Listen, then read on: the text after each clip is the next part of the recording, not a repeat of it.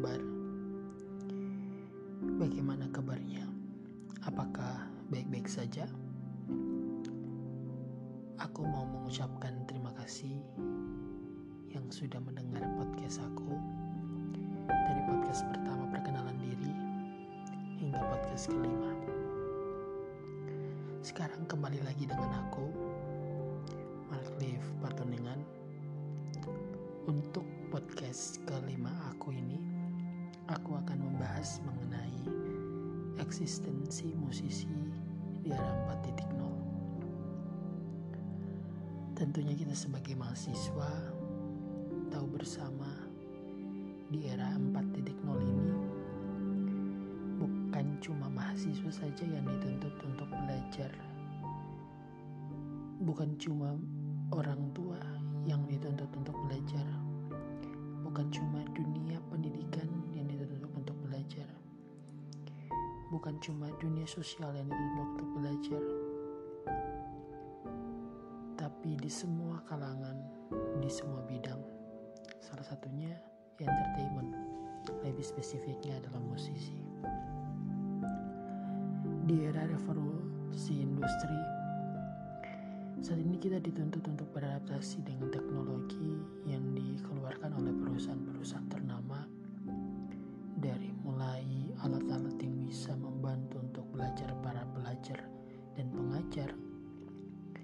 sampai dengan alat sebagai pembantu untuk musisi atau pekerja di dunia entertainment. Dunia entertainment sekarang ini sangat mudah untuk digapai oleh kalangan anak muda atau bahkan orang-orang yang ada. Tentu bisa kita melihat peran dan eksistensi teknologi dalam dunia khususnya entertainment. Tentu kita bisa melihat kemudahan yang didapat masyarakat umum untuk mengekspresikan diri untuk mengeksplor diri dengan platform-platform yang tersedia. Ya, apalagi kalau bukan sosial media kayak Instagram, TikTok, Facebook, dan banyak media lainnya. Sangat terlihat jelas perbedaan sebelum adanya teknologi dan setelah salah satunya itu contohnya saja sekarang kita bisa melihat di televisi di YouTube bahwa sekarang itu sangat mudahnya setiap orang untuk terkenal sangat mudahnya setiap orang untuk viral untuk viral.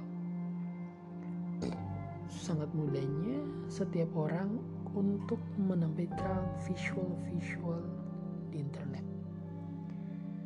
Sekarang sangat mudahnya orang berekspresi dengan HP, dengan laptop, dengan bantuan alat elektronik.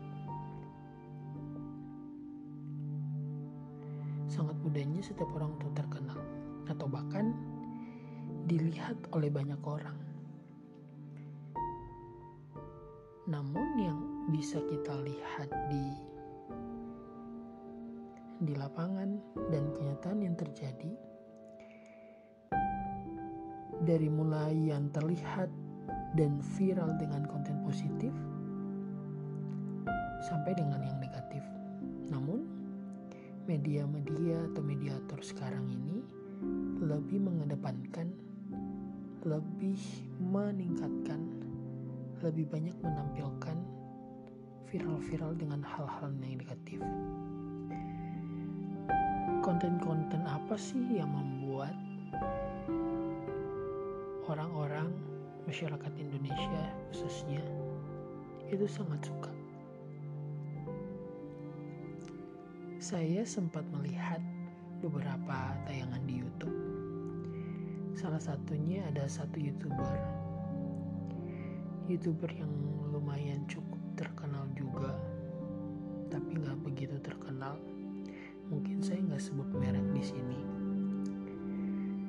Yang saya lihat dari konten dia adalah saya bisa menyimpulkan kurang nyaman dengan salah satu konten yang notabene inti dari konten itu adalah mengejain atau prank orang tuanya sendiri. Secara logika dan secara pemikiran orang dewasa, seharusnya kita bisa membedakan antara mencari duit melalui konten-konten tertentu dengan latar belakang kita sebagai seorang anak. Dalam konten YouTuber tersebut, dia menampilkan dia ngeprank orang tuanya sendiri sampai orang tuanya ribut dan menangis. Setelah itu tiba-tiba dia memberikan Sebenarnya tidak masalah dengan konten-konten seperti itu, namun yang saya khawatirkan dengan konten tersebut dan dengan banyaknya teknologi dan juga alat-alat elektronik yang sudah tersebar di seluruh Indonesia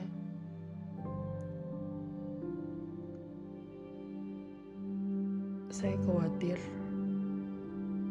bahwa ketika anak-anak di usia yang sangat muda yang sangat rentang dengan pengaruh dengan melihat konten tersebut akan menjadi pribadi yang kurang baik ke depannya akan menjadi akan menjadi, membuat bahwa pemikiran dan pemahaman prank adalah soal biasa di Indonesia. Jadi mungkin kita sebagai mahasiswa atau bahkan kita yang menjadi musisi atau penonton atau penikmat media sosial pintar-pintarlah untuk memilih apa yang menjadi tontonan kita. Dan pintar-pintarlah untuk mendukung apa yang menjadi dukungan untuk tontonan kita. Mungkin demikian podcast kelima aku ini sampai di sini. Semoga semua yang kasih untuk waktu dan sudah mendengar podcast ini. Sekian. Selamat malam